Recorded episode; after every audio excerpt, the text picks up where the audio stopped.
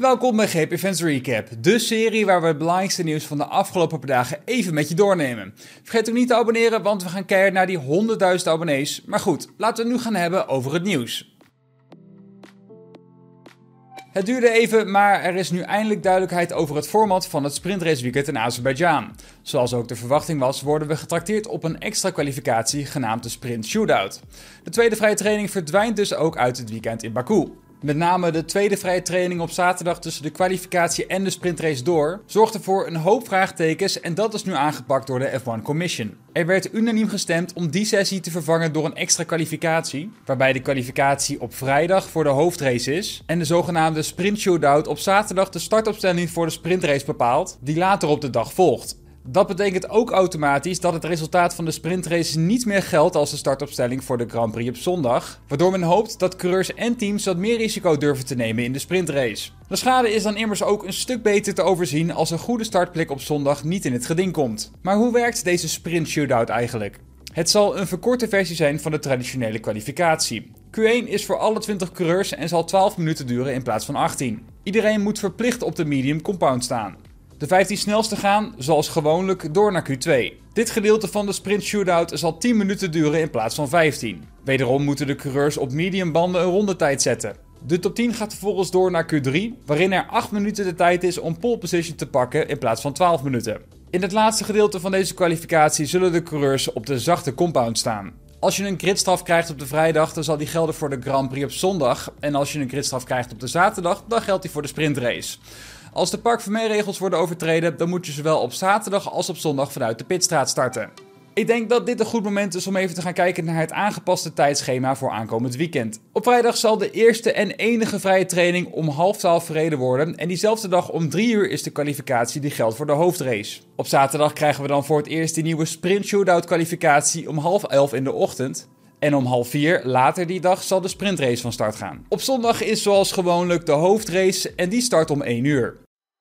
Het Duitse roddeltijdschrift Die Actuelle bracht vorige week een interview uit met Michael Schumacher. Maar het bleek om een interview te gaan dat werd geschreven door een gratis AI-chatbot. De hoofdredacteur Anne Hofman is daarom nu ontslagen vanwege de publicatie van het nep-interview. Uitgever Funke is met een verklaring gekomen.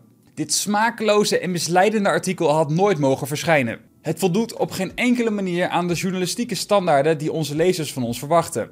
Funke heeft excuses aangeboden aan de familie van Schumacher. Het is nog niet zeker of de Grand Prix van Monaco wel door zal gaan. In Frankrijk wordt er hevig geprotesteerd tegen de hervormingen van het pensioenstelsel en dat kan mogelijk de plannen van de race in Monte Carlo gaan verstoren.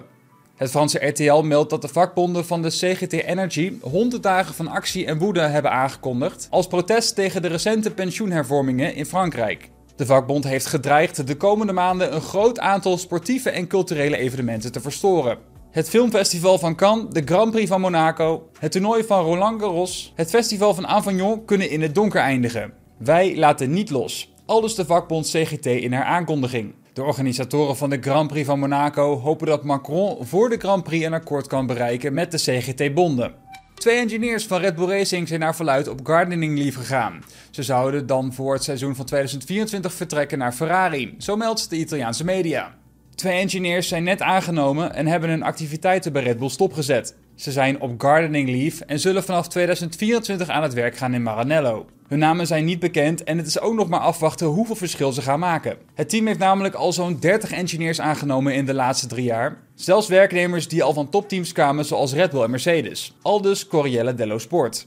Naast de veranderingen van het sprintraceweekend heeft de F1 Commission ook besloten dat teams meer power unit onderdelen mogen gebruiken dit seizoen. Vanaf dit jaar is het aantal Grand Prix weekenden waarin er sprintraces worden verreden omhoog gegaan van 3 naar 6. Dat betekent dat er nog meer kilometers worden gemaakt. Om het aantal gridstraffen te beperken is daarom nu besloten dat teams een aantal extra onderdelen mogen gebruiken. Van de verbrandingsmotor, turbo, MGUH en MGUK mochten ieder maar drie gebruikt worden in 2023 voordat de gridstraffen werden uitgedeeld. Voor alleen dit seizoen gaat het aantal omhoog van 3 naar 4. Daarnaast werd overeengekomen dat zogenaamde Sustainability Initiative Costs, waar we het installeren van duurzame infrastructuur, het onderzoeken en monitoren van de CO2-voetafdruk van de teams en donaties aan liefdadigheidsinstellingen die zich bezighouden met de bevordering van ecologische duurzaamheidsprojecten, zullen worden uitgesloten van het budgetplafond.